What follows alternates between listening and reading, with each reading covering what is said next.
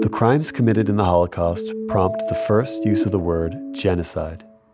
In 1948, the United Nations adopt a resolution defining genocide in legal terms. A shocking detail is the fact that in every genocide, children are targeted as well. Children, who are, of course, the future of a people and the continuity of a people, are killed just like adults. During the Holocaust, 18,000 Jewish children from the Netherlands are murdered.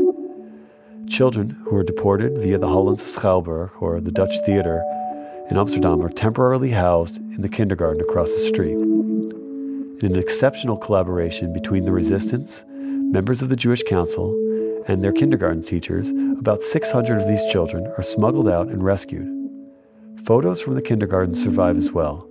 Annemiek Gringold describes one of them.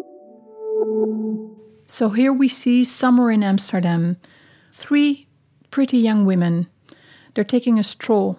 They're nannies from the kindergarten, and they're all marked with a yellow badge. The kindergarten in the Plantage Middelaan is opposite to the Dutch Theatre, and from October 1942, families were separated here. Parents awaited their deportation in the Dutch Theatre, and the children were imprisoned in the kindergarten. And the nannies, also the ones that we see here, Hilde Jacobsthal, Margot Stern, and Margot Hertz, took care of the children, but they were also crucial in the rescue of a number of them. Approximately 600 children were saved from the kindergarten and survived the war.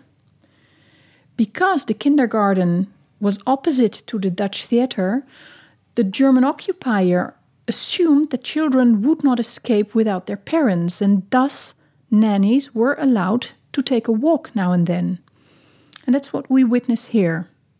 They're walking through the neighborhood, and on such an occasion, children could be handed over to members of the resistance. Many Jews tried to escape from deportation by trying to find people to help them go into hiding. In the interview project, Cornelia Adam Schwab says her parents couldn't find a hiding place for the entire family, so they decided she would stay somewhere else. And I said, Look, yes, if there is somewhere to go, I'll go.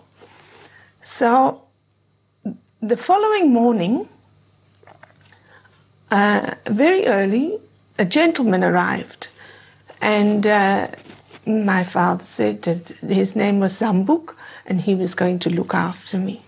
And he was going to find me a nice home where I would be looked after. So I said, All right, you know, I had a little suitcase. My mother had packed a little, like a school suitcase, a couple of little things. And uh, off I went. And I remember as I turned back, my mum and dad were standing in the doorway crying and looking very sad. And I sort of turned and walked with this man. And I thought, well, this is the only way. So I don't remember exactly how and what we did, but all I remember was that we went onto this train and, and we were sitting on the train and uh, he said, uh, don't say anything. If anybody says anything to you, don't say a word. You have to be quiet. Just pretend you don't know. Just pretend, pretend you're shy because if you uh, speak, uh, you know, it's better not. So I said, okay. And as we were going on the train, there was a whole lot of uh, SS officers came on the train, all in army uniform.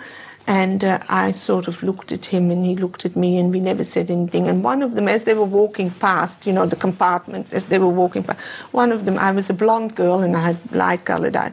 One of them just put his hand on my head and said, Schön arisch Mädchen, which means like a nice Aryan girl. And uh, I just looked down. I mean, I was a child. I, uh, you know, I was told not to say, not to smile, not to look. So I, I didn't. And it stuck with me because what he said, because I knew I was a Jewish girl, but for him to say that and sort of stroke my head as well, it was quite awful. Joining the resistance or going into hiding required courage, cooperation, and luck. Those who were caught got the death penalty or were sent to a concentration camp. Stories about the resistance and successful hiding are rare rays of light in an operation of murder that spared nothing and no one.